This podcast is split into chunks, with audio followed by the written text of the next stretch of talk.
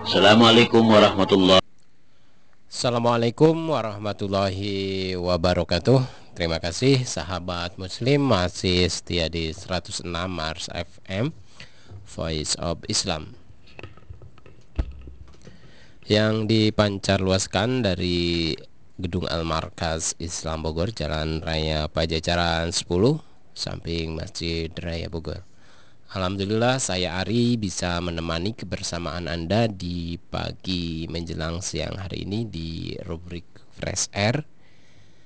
Hari ini hari Rabu tanggal 29 Syawal 1432 Hijriah bertepatan dengan 28 September 2011. Dan tema yang akan kita bahas sekarang ini adalah tentang ada ideologi selain Islam. Bersama uh, Kang oleh Solihin di dunia ini memang bukan hanya Islam yang menjadi ideologi satu-satunya. Masih ada ideologi lain yang hadir saling mempengaruhi bahkan menentang dan bertentangan. Apa saja ideologi yang uh, ada tersebut? Kita langsung bersama ngobrol bersama Kang Oleh Solehin yang sudah hadir di studio. Assalamualaikum warahmatullahi wabarakatuh, Kang Oleh. Waalaikumsalam warahmatullahi wabarakatuh, Kang Ari. Kabar terbaik ya, ya? Alhamdulillah ya? sehat. Ya, ya, ya insya Allah. Oleh langsung aja ngobrol-ngobrol ya, nih kita ya. silakan. ya. Uh, apa-apa. Kang Oleh, meski ya, ya. sudah ya. pernah mengenal ideologi ini, mm-hmm. ada baiknya kita merepress pemahaman kita. Apa sih yang dimaksud dengan ideologi itu? Baik, Bismillahirrahmanirrahim. Assalamualaikum warahmatullahi wabarakatuh. Alhamdulillah ya, syukur alhamdulillah kita bisa ketemu lagi Kang Ari yeah. di acara Fresh Air yang setiap hari Rabu ya kita eh, apa siarkan walaupun selang-seling ya dengan yang akhwat ya. Yeah. Jadi kalau minggu pertama mungkin sahabat uh, muslim juga perlu mengetahui juga informasinya Kang Ari bahwa setiap hmm. uh, minggu pertama dan minggu ketiga itu yang akhwat biasanya ya yang putri yang isinya kemudian kalau minggu kedua dan keempat nah saya gitu ya.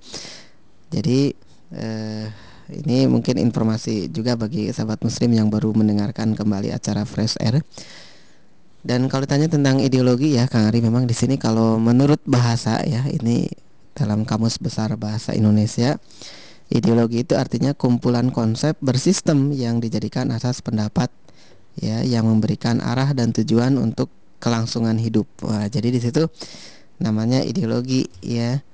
Nah, biasanya kalau digabung dengan e, kata politik, nah berarti itu artinya himpunan nilai, ide, norma, kepercayaan dan keyakinan yang dimiliki seseorang atau sekelompok orang yang menjadi dasar dalam menentukan sikap terhadap kejadian dan problem politik yang dihadapinya dan yang menentukan tingkah laku politik. Ini dalam kamus besar bahasa Indonesia ya. E, apa istilahnya? Di kalau sahabat muslim pernah belajar bahasa Indonesia mungkin pernah bersentuhan dengan kamus besar bahasa Indonesia ya. Uh, yeah, yeah. nah sekarang kalau uh, dulu mungkin saya gak punya sih bukunya ya tebel gitu kan ya. Nah tapi sekarang ada sudah ada edisi ininya edisi digitalnya ya. Ada langsung di ini di websitenya ada. Hmm. Ya jadi kalau sahabat muslim ingin mencari istilah-istilah dalam bahasa Indonesia dan sebagainya yang berkaitan dengan uh, istilah itu ya dalam kamus nah itu bisa cari di uh, internet ya di KBBI namanya. Di situ ada pusat bahasa dot kemdiknas ya, uh, dot go dot id garis miring uh, KBBI nah itu di situ ada insya Allah. Tapi di ada teman saya juga yang yang kebetulan dia programmer dia ngambil dari situ kemudian dijadikan software Kang Ari. Oh, nah, jadi kalau yang punya komputer di rumahnya ya, PC atau laptop nanti bisa ngopi juga tuh ada di di blog saya di uh, softwarenya cuma 15 mega. Nah, itu bisa di kopi juga gitu. Jadi nggak usah nanti buka-buka bukunya.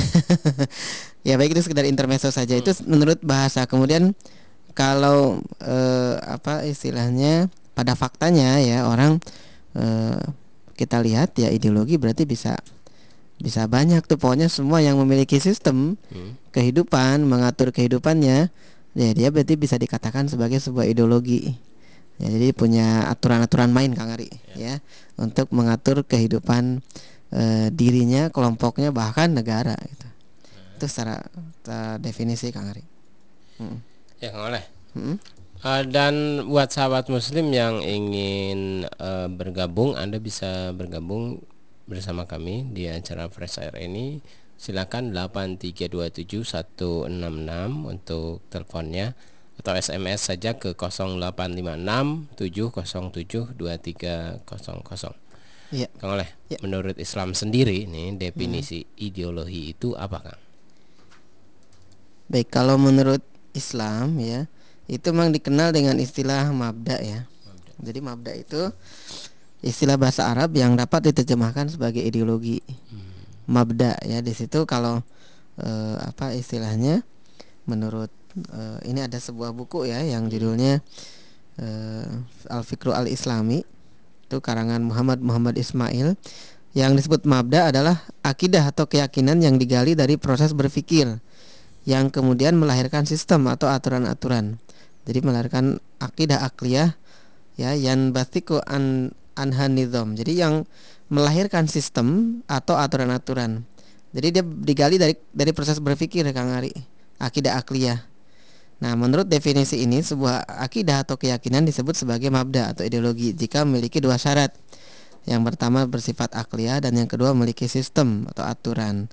Nah, berarti dalam hal ini eh, yang dimaksud dalam Islam ya eh, itu mabda itu uh, ideologi itu disebut dikenal dengan istilah mabda. Nah, di situ yang definisinya adalah uh, akidah akliyah ya atau keyakinan yang digali dari proses berpikir. Hmm. Jadi kalau misalnya uh, dalam Islam memahami bahwa manusia itu berasal dari Allah Subhanahu wa taala ya. Dan di dunia ini adalah mereka atau kita ya sebagai manusia itu untuk beribadah kepada Allah maka harus ada aturannya ya berasal dari Allah aturannya berarti dari Allah untuk supaya nilai ibadahnya benar ya caranya benar karena nanti juga akan diminta pertanggungjawaban di akhirat ya karena akan kembali kepada Allah nah maka hmm. sistem ini ya e, dari awal manusia e, diciptakan kemudian manusia di dunia ini melakukan uh, apa menjalani kehidupannya itu semua ada aturannya. Nah dalam Islam itu seperti itu ada aturannya. Jadi kalau manusia bukan hanya urusan dia dengan dirinya ya, manusia dengan dirinya sendiri, tapi juga nanti ada ibadah. Berarti dia dengan Allah Subhanahu Wa Taala. Ada muamalah dia manusia yang satu dengan manusia yang lainnya. Itu butuh aturan.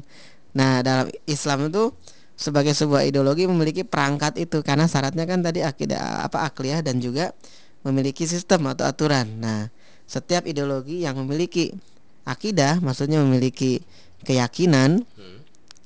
ya memiliki asas e, perbuatannya juga memiliki aturan itu bisa disebut sebuah ideologi nah itu Kang Ari kalau menurut Islam ya, ya. Kang sebelum kita lanjutkan ke obrolan ya. kita yang semakin menarik saja tentunya hmm. menambah wawasan kita buat ya. sahabat muslim semua uh, kita akan rehat dulu dengan sebuah nasid dari hari Sapik tentang keimanan.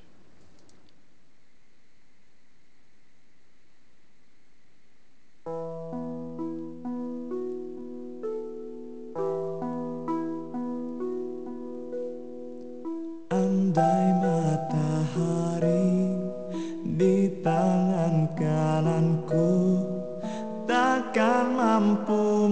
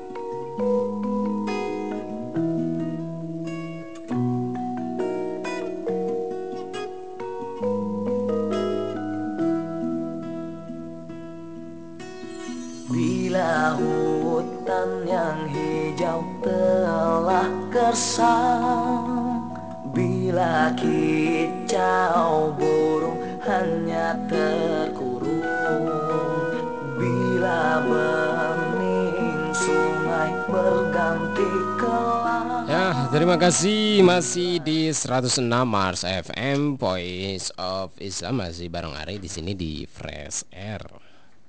Ada ideologi selain Islam. Nah, uh, pentingkah uh, kita mengetahui dan memahami ideologi selain Islam dan untuk apa, Kang Ari?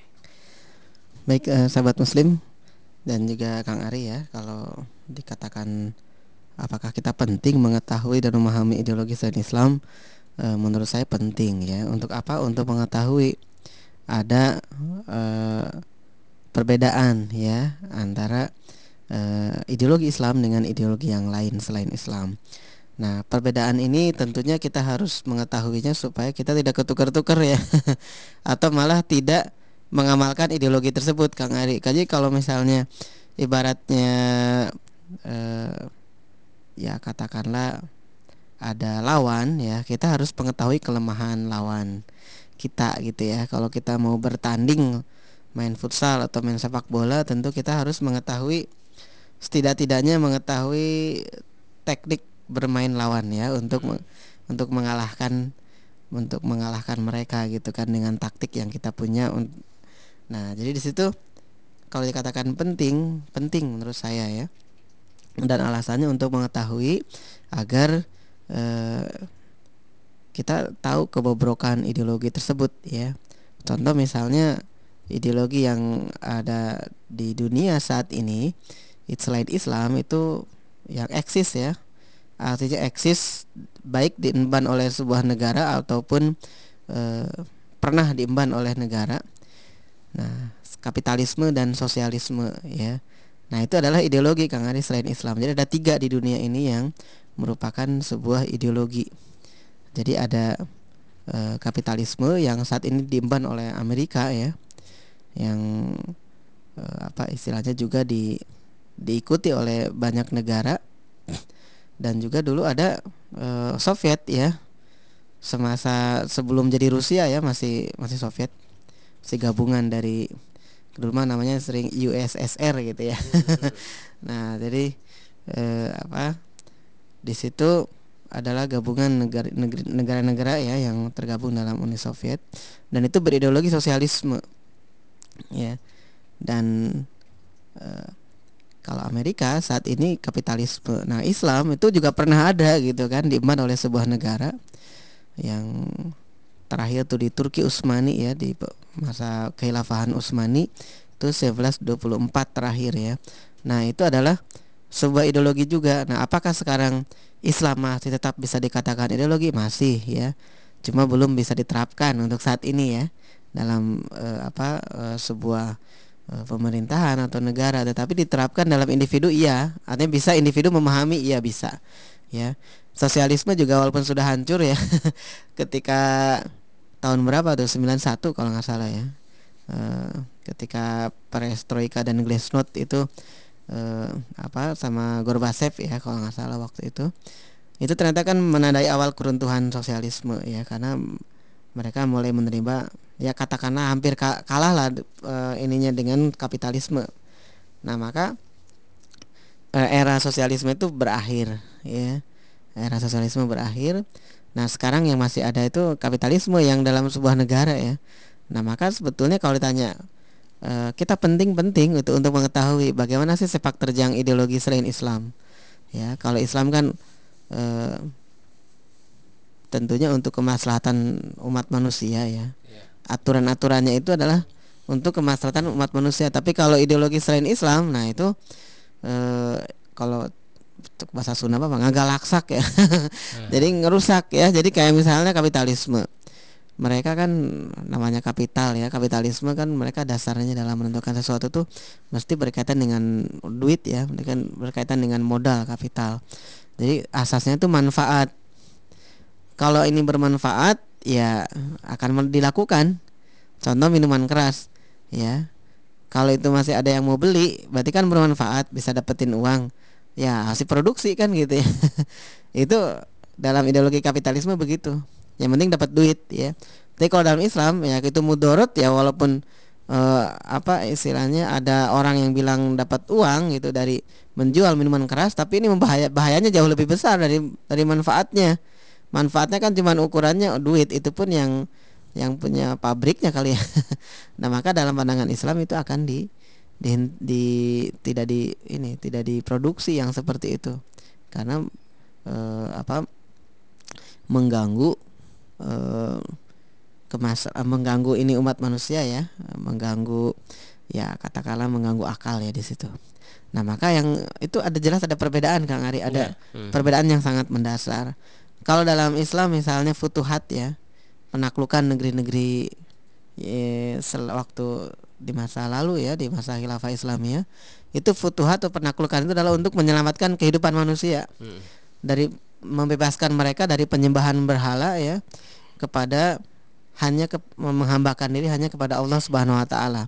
Dan ketika eh, perang pun yang terjadi dalam Islam yaitu adalah untuk membebaskan manusia eh, supaya mereka bisa hidup dengan nyaman ya. Artinya kalau kalau eh, dalam Islam dilakukan penaklukan itu bukan dalam membumi hanguskan ya, bukan menghancurkan tapi ya menyelamatkan. Karena terbukti ada aturan-aturan juga di masa Rasulullah Shallallahu Alaihi Wasallam yang melarang kaum muslimin ketika berperang itu membunuh eh, anak-anak dan wanita juga orang tua yang tidak ber- tidak melawan ya tidak bersenjata. Juga untuk lingkungan itu tidak boleh menghancurkan bangunan. Tidak boleh menghancurkan kebun-kebun. Tidak boleh menghancurkan tanaman pohon. Nah itu kan adabnya ada dalam Islam. Jadi kalau kita lihat kalau Amerika ya contoh misalnya dengan nafsunya ingin menguasai Vietnam waktu itu ya dia mengerahkan. Karena di hutan ya hutan belantara itu dia menggunakan bom napalm ya. Bom napalm itu eh, bisa membakar kalau ininya Iya, iya. eh, potensinya. Jadi hutan itu gundul itu kalau di- Hmm. kalau di bom curah itu ya di nah di situ kan membahayakan kehidupan itu.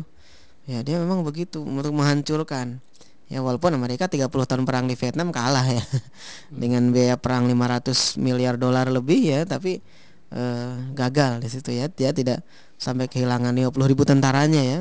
Ketika Saigon juga sudah diambil alih oleh tentara Vietnam Utara nah maka di sini memang eh, contoh ya Amerika ya itu ini apa istilahnya nafsunya memang istikmar ya melakukan penyebaran ideologinya dengan penjajahan termasuk ya di Afghanistan saat ini. Hmm. ya mereka menyerbu Afghanistan walaupun nggak ada hasilnya sebenarnya kalau sampai sekarang ya.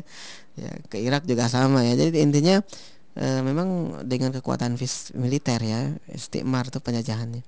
Ya bisa juga dengan eh, penjajahan ekonomi dan lain sebagainya nah maka ini adalah karakter-karakter ideologi yang bisa kita tahu ya ketika kita belajar tentang eh, ideologi lain selain Islam Hmm. Nah, supaya kita tahu itu kebrokannya di situ. Oh, itu kelemahannya di situ. Kita bisa sampaikan kepada orang jangan mengikuti ideologi itu, ya. Kalau dalam eh, kapitalisme misalnya yang akidahnya sekuler, ya. Akidahnya kan dia memiliki akidah juga Kang Ari.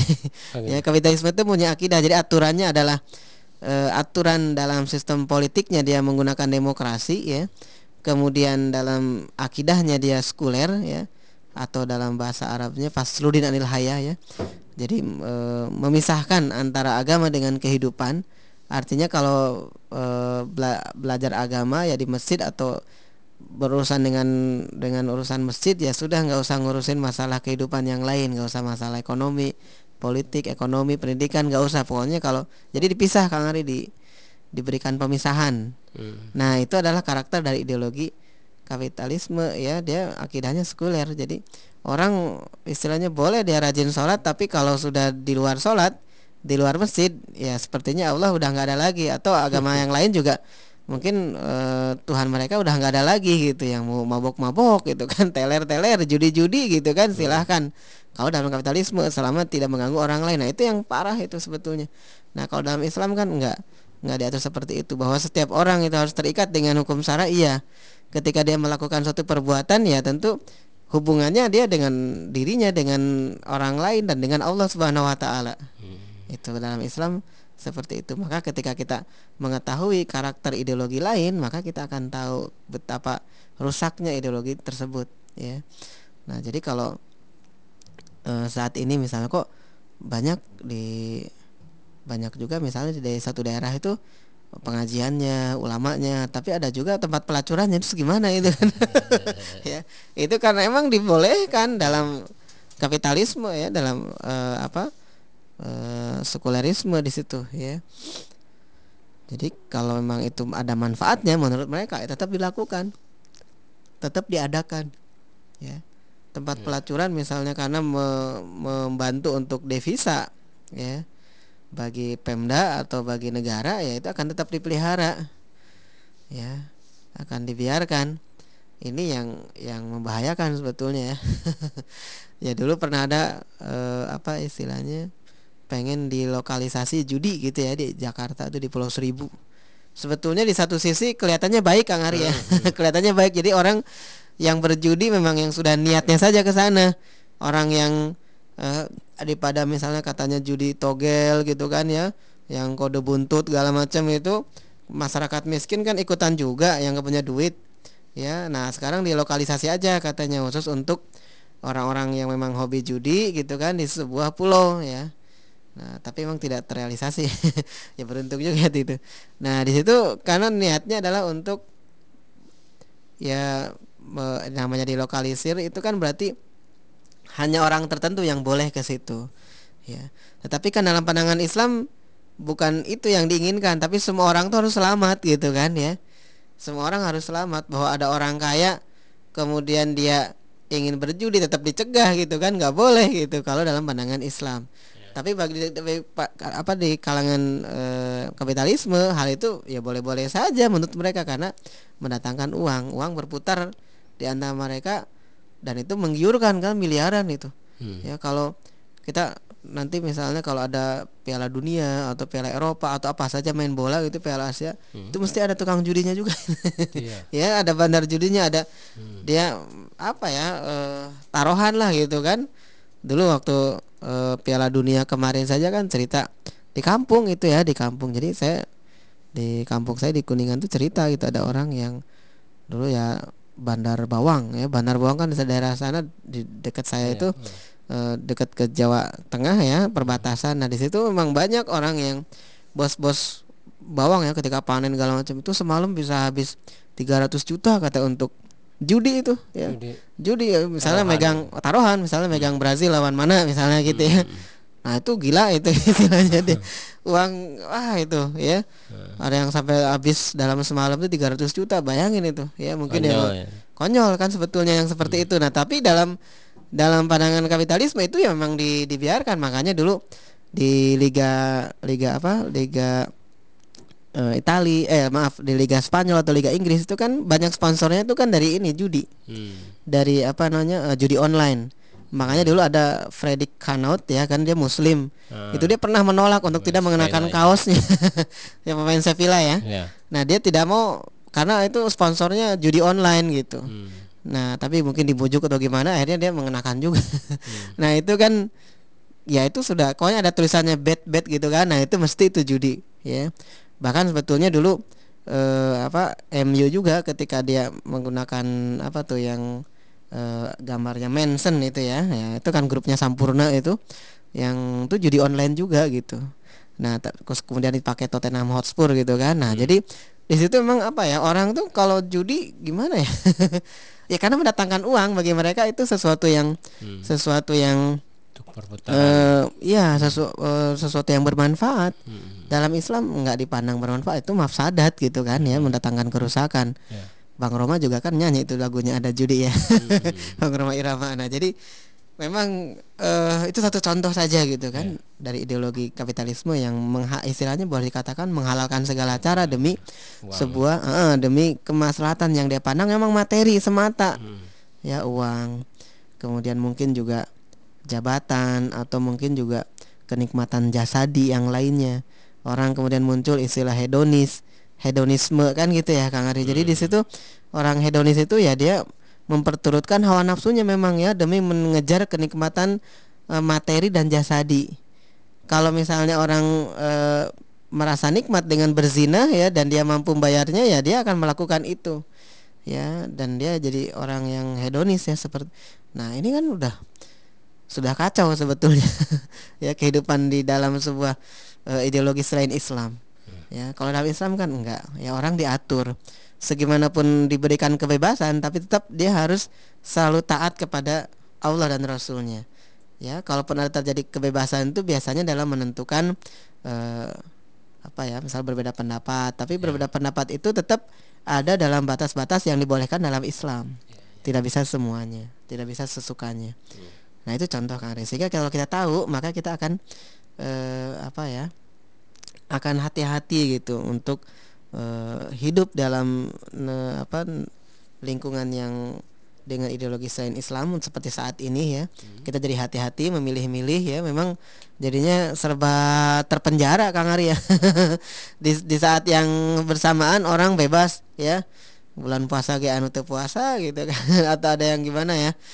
Ya bebas lah melakukan. Tapi kita sebagai muslim harus uh, taatnya kepada Allah sehingga kita harus me menjaga dari godaan-godaan nafsu itu ya hmm. kalau dilihat kan kayak kita di pasar atau di angkutan umum ya Kang Ari melihat aurat wanita itu kan sekarang sudah bisa gampang dilihat. Yeah. Ya kan kalau misalnya mikirnya ah kesempatan nih gitu kan. Lingkungannya udah kayak gini gimana lagi nikmati aja. Nah, itu kan orang yang berpikiran pragmatis. Tapi kalau misalnya kita seorang muslim yang akan tahu kita akan diminta pertanggungjawaban oleh Allah, hmm. maka kondisi seperti saat ini itu sebetulnya membuat kita uh, ini ya membuat kita gelisah sebetulnya kan khawatir ya yang kita lihat uh, kalau nggak dilihat gimana gitu kan kelihatan gitu ya. hmm. ya uh, tapi kalau dilihat ya dosa nah itu pun dilematis nah di situlah sebetulnya paling tidak kalaupun kita hidup dalam uh, lingkungan yang bukan Islam seperti saat ini ya maka kita bisa jaga-jaga itu untuk kalau kita mengetahui ideologi tadi ya kalau sebut uh, alasannya ya penting atau tidak mempelajari ideologi selain Islam ya, ya. itu Kang Ari Mengapa ada perbedaan cara pandang? Apakah manusia e, memang selalu ingin mendominasi manusia lainnya atau sebuah peradaban ingin mendominasi peradaban yang lainnya, Kang? Kalau mendominasi memang karakter manusia itu wajar seperti itu Kang Ari ya. Hmm. Artinya seseorang yang memiliki pendapat biasanya dia ingin mengenalkan pendapat itu minimal kan mengenalkan ya mengenalkan pendapat itu kepada orang lain dia merasa bahwa pendapatnya benar agar orang lain pun tahu apa yang dia apa yang dia pahami maka memang di sini ya kalau dikatakan mengapa ada perbedaan cara pandang? Memang alasannya karena manusia karakternya beda-beda ya. Dan e, mereka ya atau kita manusia itu selalu ingin mendominasi ya dengan e, pemikiran atau pendapat yang lain terhadap manusia yang lain. Jadi kalau dikatakan memang ada cara pandang yang berbeda memang itu ya. E, wajar dan itu memang hal seperti itu umum ya di kalangan e, apa istilahnya manusia ya. Jadi manusia ingin mendominasi manusia yang lainnya ya.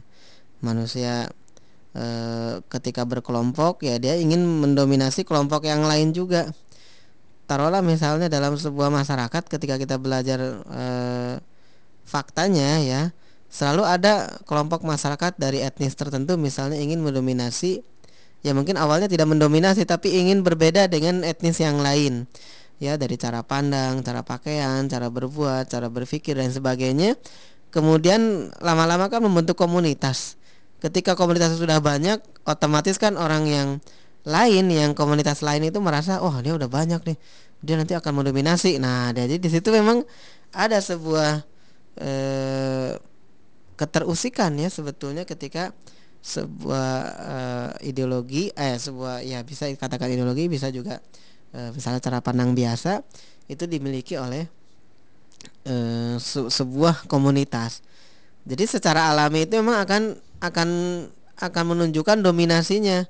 Kalau ideologi itu atau misalnya keyakinan itu diemban oleh banyak orang ya digandrungi maka bagi yang tidak menggandungi bagi yang tidak menggandungi menggandrunginya ya belit ya, tidak menggandunginya itu dianggap sebagai uh, perbedaan yang mendasar ya. Ada orang yang seorang muslim yang sangat uh, uh, tertarik dengan ideologi Islam itu wajar. Ya tapi yang nggak wajar adalah kalau dia sampai mengamalkan ideologi selain Islam ya. Nah itu yang yang harus kita lihat ya. Jadi memang pada awalnya cara pandang itulah yang yang menentukan ya perbedaan-perbedaan tersebut ya.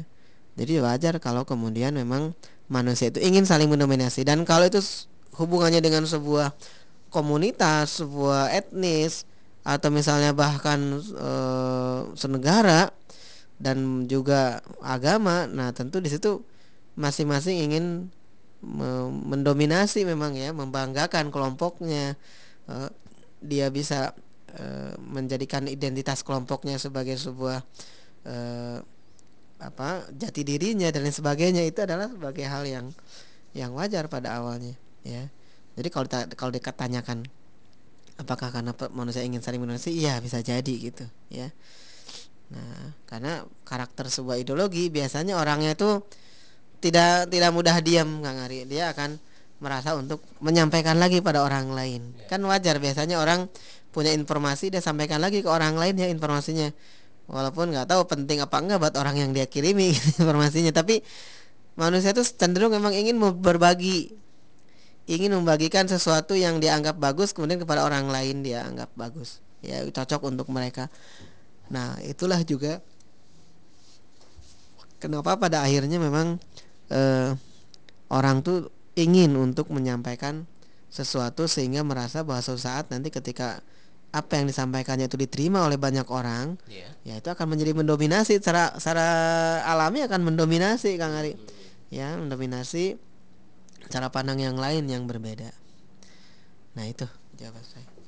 Ya, kita ya. rehat dulu Kang ya. ya. Ada Safik dengan Mother Nature.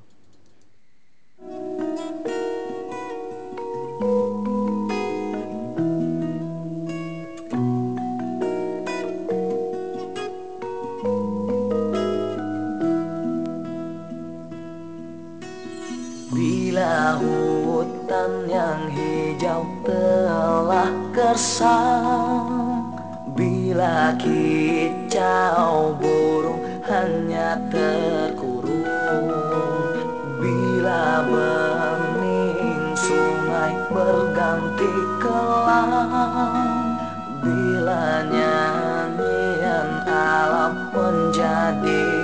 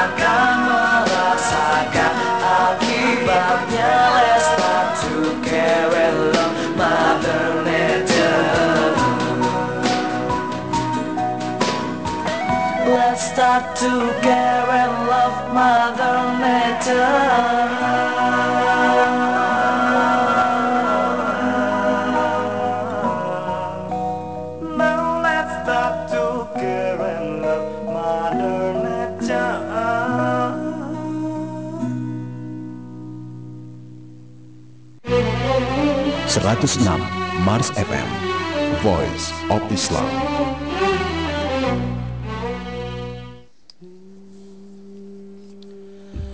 Ya, terima kasih sahabat muslim. Masih di 106 Mars FM Masih di Fresh Air bersama saya Ari dan Kang Oleh Solihin. Ada ideologi selain Islam Nah, hal apa saja yang perlu kita pelajari dari ideologi lain agar kita mengetahui perbedaannya dengan ideologi Islam, Kang? Ya, itu memang penting Kang Arya. Jadi e, mengetahuinya adalah dari cara pandang. ya. Pandang. Pertama cara pandangnya dulu ya. Hmm? Cara pandangnya tentang manusia apa? Cara pandangnya tentang kehidupan apa? Cara pandangnya tentang akhirat apa? Misalnya kan gitu. Nah, kalau cara pandangnya saja sudah berbeda ya berarti di sini kita bisa tahu ya eh, ideologi tersebut bukan hanya berbeda kadang ya seringnya adalah eh, bukan hanya bertentangan tapi juga menentang gitu kan. nah, contoh misalnya eh, dalam Islam ya yang kita pelajari bahwa manusia itu berasal dari Allah Subhanahu wa taala. Sementara dalam ideologi sosialisme yang di akidahnya eh, materialisme gitu kan ya. Segala sesuatu berasal dari materi. Ini kan udah nggak nyambung, beda ini ya eh, antara Islam dengan sosialisme. Tapi kalau dalam eh, kapitalisme mereka masih mengakui bahwa manusia itu diciptakan sama Tuhan menurut mereka. Tetapi setelah diciptakan manusia bebas melakukan apa saja. Jadi ibaratnya Tuhan itu iba, eh, pembuat jam dinding ya. Selesai dibuat jam ini dibiarin jalan sendiri detik jarumnya gitu kan, jarum detik menitnya dan jamnya. Nah, artinya mereka mengakui ada kehidupan eh, akhirat, eh, ada kehidupan sebelumnya, ada kehidupan juga di akhirat nanti, tapi mereka cenderung eh, meng, ya itu tadi memisahkan ya karena akidahnya eh, sosial apa eh, sekulerisme, jadi ya untuk urusan agama biar individu saja, negara nggak usah ngurusin. Dan itu jadi tugas apa ini individu saja gitu kan. Eh, pembahasannya sampai di individu gitu menurut mereka. Nah maka ada pemisahan. Nah dalam Islam kan enggak ya bahwa kita berasal dari Allah maka aturannya juga dari Allah. Itu dari cara pandang saja kita harus bisa sudah bisa membedakan bahwa memang ideologi e, ini berbeda ya satu sama lain. Bahkan bukan hanya berbeda tapi menentang dan bertentangan ya dengan e, eh, bertentangan dan menentang Islam. Jadi kalau eh, dalam Islam harus ada keterkaitan antara antara kehidupan dunia dengan kehidupan akhirat ya. Kalau dalam kapitalisme itu nggak ada dipisah total ya makanya kita mengetahui dalam dunia pendidikan pun dikotomi ya artinya dipisah kayak udah eh, sekolah agama sekolah agama sekolah umum sekolah umum di sekolah agama diajarkan umumnya sedikit, di sekolah umum diajarkan agamanya sedikit. Ya sudah gitu kan. Nah, jadi itu memang dalam rangka memisahkan ya, memisahkan antara kehidupan dunia dengan kehidupan akhirat. Dalam Islam enggak, dia satu bahwa uh, umat Islam ya kaum muslimin dituntut untuk um, menge, apa istilahnya me, men, menetapkan ya atau istilahnya sudah harus menentukan kehidupannya di akhirat ya. Tapi dia juga jangan lupa kehidupan di uh, ini apa namanya dunia ya. Artinya uh, jangan melupakan kehidupan dunia juga. Jadi kalau misalnya uh, dalam Islam ya kehidupan yang diutamakan tuh kehidupan di akhirat ya. Kehidupan yang di akhirat tetapi jangan juga dilupakan kehidupan dunia jadi kalau misalnya di Al-Qur'an ya Allah Subhanahu wa taala sudah menjelaskan Bismillahirrahmanirrahim wabtaghi fima atakallahu ad-darul akhirah ya wala tansa nasibaka dunya. Nah, dan carilah apa yang telah disanugerahkan Allah kepadamu kebahagiaan negeri akhirat dan janganlah ya kamu melupakan bahagianmu dari kenikmatan duniawi. Nah, jadi di situ emang sudah dalam Islam itu walaupun eh, diprioritaskan akhirat tapi dunia eh, jangan dilupakan.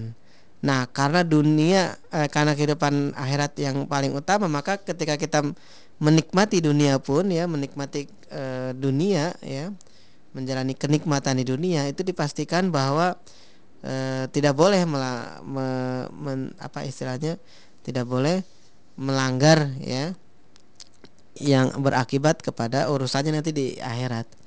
Nah, maka kalaupun dunia orientasi tetap akhirat. Nah, itu dalam pandangan Islam jadi berbeda dari segi dari segi e, cara pandangnya saja sudah berbeda ya tentang manusia, tentang kehidupan dan alam semesta ini.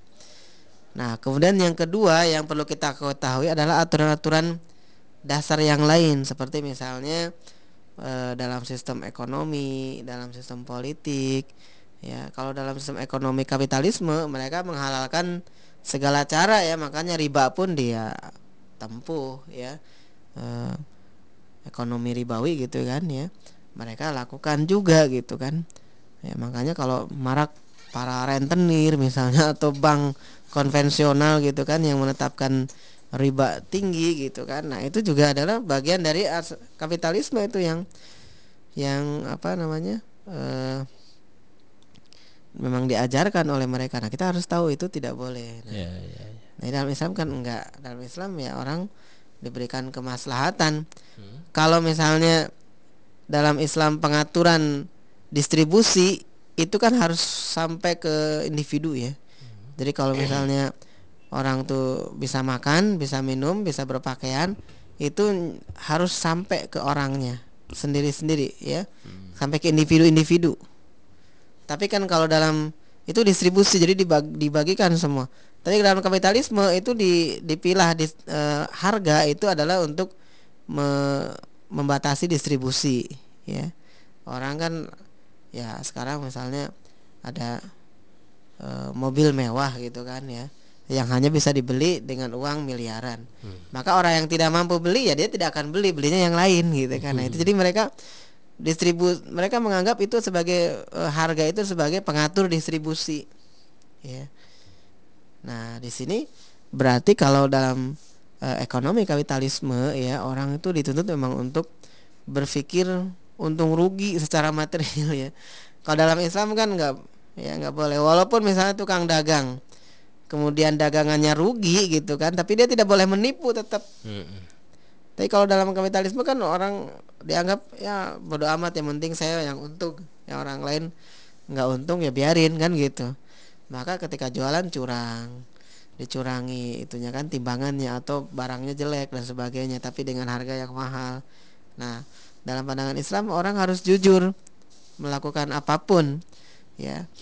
Nah ini yang berbeda Kang Ali dari tata cara. Banyak hal yang nah maka untuk mengetahui e, agar agar tahu ideologi itu salah dan e, bertentangan dengan Islam kita harus mengetahui ya cara pandangnya kemudian aturan-aturannya hmm itu yang yang berkaitan dengan ini Kang Ari.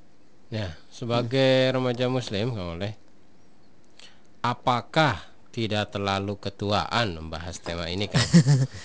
Iya, memang remaja sekarang sih pengennya main game aja sih ya. Hmm. main senang, PS senang. gitu kan ya, main internet, game online ya memang atau sekali-kali ya dia nongkrong, bukan nongkrong, bukan sekali-kali kelihatan nongkrong menjadi rajin tuh. hmm. atau misalnya eh ya ura-ura bahkan ada yang tawuran segala memang kalau dipikir-pikir ya kok kayaknya ngebahas ideologi ini remaja bengong nggak ya memang kalau remajanya nggak ngerti apa-apa bengong yeah. ya apalagi yang dari kecil tidak dilatih oleh orang tuanya atau orang-orang di sekitarnya untuk mengetahui hal-hal yang berat.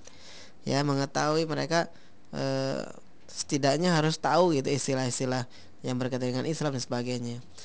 Jadi kalau anak saya gitu kan kalau eh, apa saya sampaikan sesuatu saya memang menyampaikan semua gitu kecuali apa ya beberapa misalnya tentang e, berita gitu kan atau tentang sebuah fakta nah biasanya saya sampaikan apa adanya gitu biar mereka berpikir ya dan mereka harus tahu bahwa ada ide ada agama juga selain Islam dan mereka harus tahu ke uh, agar tidak terjerumus gitu kan ya patokan-patokannya. Nah, itu yang saya ajarkan walaupun mereka mungkin awal-awal ya ada yang masih kelas 2 tuh bingung juga gitu maksudnya apa gitu. Tapi saya sampaikannya dengan bahasa yang insya Allah mudah ya. Nah, maka di situ memang harus dikenalkan juga gitu kepada uh, anak-anak kita atau uh, sejak kecil ya atau keluarga kita. Maka kalau remaja saat ini membahas ini ini dalam upaya mengenalkan sebetulnya bukan ketuaan ya.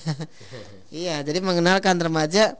Dulu juga dari kalangan yang dekat dengan Rasul kan yang pertama kali masuk Islam dari kalangan perempuan kan istrinya ya Khadijah ya radhiyallahu anha ya. Juga misalnya kalau dari segi orang tua atau yang laki-laki itu kan Abu Bakar kalau dari segi anak-anak nah itu Ali bin Abi Thalib gitu kan. Jadi Ali bin Ali bin Abi Thalib ketika masih anak-anak juga udah menerima Islam itu. Hmm. Kemudian e, kalau dari kalangan budak ada Bilal itu yang pertama kali. Nah, maka kalau misalnya e, Sayyidina Ali pernah waktu itu mau izin juga gitu kepada orang tuanya agar diperbolehkan masuk Islam atau mendalami Islam, tapi beliau kemudian berpikir ya, saya juga yang saya ingat ya e, pembahasan itu saya juga kan tidak tidak minta dilahirkan istilahnya kayak ini ya. Maka dia artinya dia ingin menentukan sendiri. Ya nggak bilang ke orang tuanya untuk oh saya mau pindah agama misalnya enggak tapi dia sudah bisa menentukan sudah bisa berpikir. Nah maka remaja yang saat ini ya sebetulnya remaja itu sudah di, sudah bisa berpikir ya Kang Ari. Sudah bisa karena udah balik dia ya kalau disebut remaja untuk untuk definisi di Indonesia itu memang uh, yang usia SMP, SMA itu masih dikatakan remaja. Nah, kalau menurut saya itu memang uh, atau menurut Islam ya, saya kutip juga menurut pendapat Islam, sebetulnya kan uh, batasan orang disebut dewasa itu karena dia sudah balik. Kalau laki-laki ihtilam, mimpi basah, kalau perempuan keluar apa uh, haid ya. Nah, sudah ada haid. Nah, di situ sudah sudah yang namanya balik. Ya nggak ada istilah remaja lagi. Maka ya kalau di zaman dulu memang di situ orang terbiasa ber e, berdiskusi yang masalah yang berat diskusi masalah yang tema-tema politik dan lain sebagainya ya. Nah kalau sekarang karena kondisinya juga seperti saat ini ya remaja lebih banyak mainnya. Jadi ketika diajak ngomongin yang serius tuh kesannya berat gitu. Ketuaan yang ngomongin masalah ini ideologi gitu kan. Nah jadi supaya tidak terkesan itu ya maka dari mulai sekarang barangkali ya eh, remaja itu sudah disiapkan untuk berpikir yang lebih mendalam. Minimal tentang kehidupan di sekitarnya lah. Ya kalau lihat ada orang yang nganggur gitu kan ya eh, kemudian eh, ya luntang runtung nggak ada kerjaan nah dia kan harusnya dikasih tahu bahwa kamu juga kalau tidak belajar atau kamu tidak mencari eh, apa berusaha untuk uh, prihatin dan sebagainya. Bisa jadi kayak gitu. Mau nggak gitu. Anda ajak berpikir seperti itu anak-anak. Ya remaja supaya mereka jadi tahu juga manfaat yang ada dalam dirinya keahlian apa yang dia miliki. Itu juga bisa berguna bagi dirinya dan juga orang lain. Nah saya pikir itu remaja seperti tidak ya tidak ketuaan. Bahkan ini wajar. Oke. Ya kang Ali terakhir nih kang Ali yeah. apa yang harus dilakukan agar ideologi Islam kembali tampil mendominasi ideologi selain Islam. Nah, bagaimana peran remaja muslim agar bisa aktif di dalamnya? Saya memang membayangkan ya atau bercita-cita sebetulnya Kang Ari orang itu eh, semua orang ya kaum muslimin itu kembali kepada Islam ya ingin melihat gitu ya ingin melihat dalam setiap setiap perilakunya mereka mencerminkan seorang muslim betul-betul ya. Sholatnya rajin kemudian dia e, menghormati orang lain ke orang tuanya juga e, berbakti dan lain sebagainya. Di pekerjaannya dia profesional gitu kan tidak ada yang menipu tidak ada yang curang. Dalam kehidupan sehari-hari misalnya pergaulan dengan antara laki dan perempuan juga terjaga. Ya itu memang ideal banget gitu ya dan itu pernah ada gitu kan. Nah tapi kondisi saat ini kok nggak bisa. Nah apa yang menyebabkannya? Kita runut. Contoh oh ternyata yang menyebabkannya umat Islam nggak kenal karena dia nggak tahu ada ada Islam yang dengan sebagai ideologi. Kenapa kok tidak tahunya? Oh karena informasi yang banyak masuknya itu adalah informasi yang dari dari selain Islam. Nah berarti kalau gitu apa yang harus kita lakukan? Berarti harus melakukan dalam tanda petik propaganda ya. Melakukan uh, syiar, melakukan uh, penyampaian pesan kepada halayak ya, baik melalui lisan, tulisan atau mungkin dengan media radio itu mengenalkan Islam, mengenalkan ajaran Islam. Yang mudah-mudahan dengan semakin mengenal ajaran Islam, banyak orang yang tertarik dengan Islam. Dulu ya di tahun awal-awal 80-an ya, uh, itu orang ada yang uh, merasa heran ada ada wanita yang mengenakan kerudung ya atau yang bahkan lengkap dengan jilbabnya. Nah, itu kalau sekarang kan udah biasa ya. hmm. Nah, berarti itu dikenalkan di awal kan, dapat dulu udah dikenalkan. Walaupun kan pertentangannya banyak ketika di awal tahun 80-an itu kan e, memang nggak boleh pakai di sekolah tuh sekolah umum ya mengenakan busana muslimah. Nah, itu kan problem sebetulnya, tapi karena orang banyak yang melakukan terus kemudian dikenalkan dan sebagainya, ini sekarang udah biasa. Nah, saya berharap juga suatu saat ketika sering kita menyampaikan informasi yang baik tentang Islam, termasuk bagi remaja gitu kan ya, maka eh, orang Islam mulai sadar dan juga mengamalkan ajaran Islamnya, ya. Sekarang kan mungkin orang mau oh, apa istilahnya untuk beramal baik kan banyak juga yang bisa dilakukan. Nah, itu yang harus dimiliki memang ya uh, oleh setiap muslim yaitu kecintaan kepada Islam. Ya. Maka untuk mewujudkannya supaya Islam bisa mendominasi adalah dengan sering kita menyampaikan uh, profil Islam ya dan dan umatnya dan juga uh, aturannya ya, sistemnya, ideologinya, mabdanya nah itu supaya orang kenal. Kalau sudah kenal nanti kan udah biasa. Hmm. Sudah mengetahui uh, segala hal yang memang e, berkaitan dengan itu ya. ya. Nah, maka di situ akan mendominasi bisa jadi Kang Ari ya. Hmm. Sama ketika ada orang yang saat ini jualan misalnya kemudian dia publikasikan di mana-mana jualannya seolah-olah banyak orang yang tahu dan seolah-olah kemudian menjadi dominan gitu kan ya. Coba iklan makanan, minuman dan sebagainya itu kan memang mereka menjadi dominan itu adalah ketika dia kualitasnya dijaga, sebaran informasinya diperluas ya dan e, pelayanannya diperbagus. Maka itu yang membuat e, orang e, apa ya e, tertarik dan seolah-olah ya jadi dominan ya e, produk tersebut. Nah Islam juga sama. Nanti kalau sudah banyak orang yang mengenal Islam mempelajari Islam maka e, banyak juga orang yang tahu tentang Islam dan di sinilah nanti insya Allah Islam akan semakin e, mendominasi mudah-mudahan nah itu tipsnya Kang Ari Ya, terima kasih banyak Kang Oleh atas ya. waktunya telah membagikan ilmunya kepada kita semua. Sahabat Muslim, kita tahu nih ada ideologi selain Islam dan bagaimana kita cara menyikapinya. Tentunya eh, sahabat Muslim ini bermanfaat bagi kita semua. Dan sahabat Muslim, kita berdua dari studio pamit undur diri tutup dengan doa kepada majelis.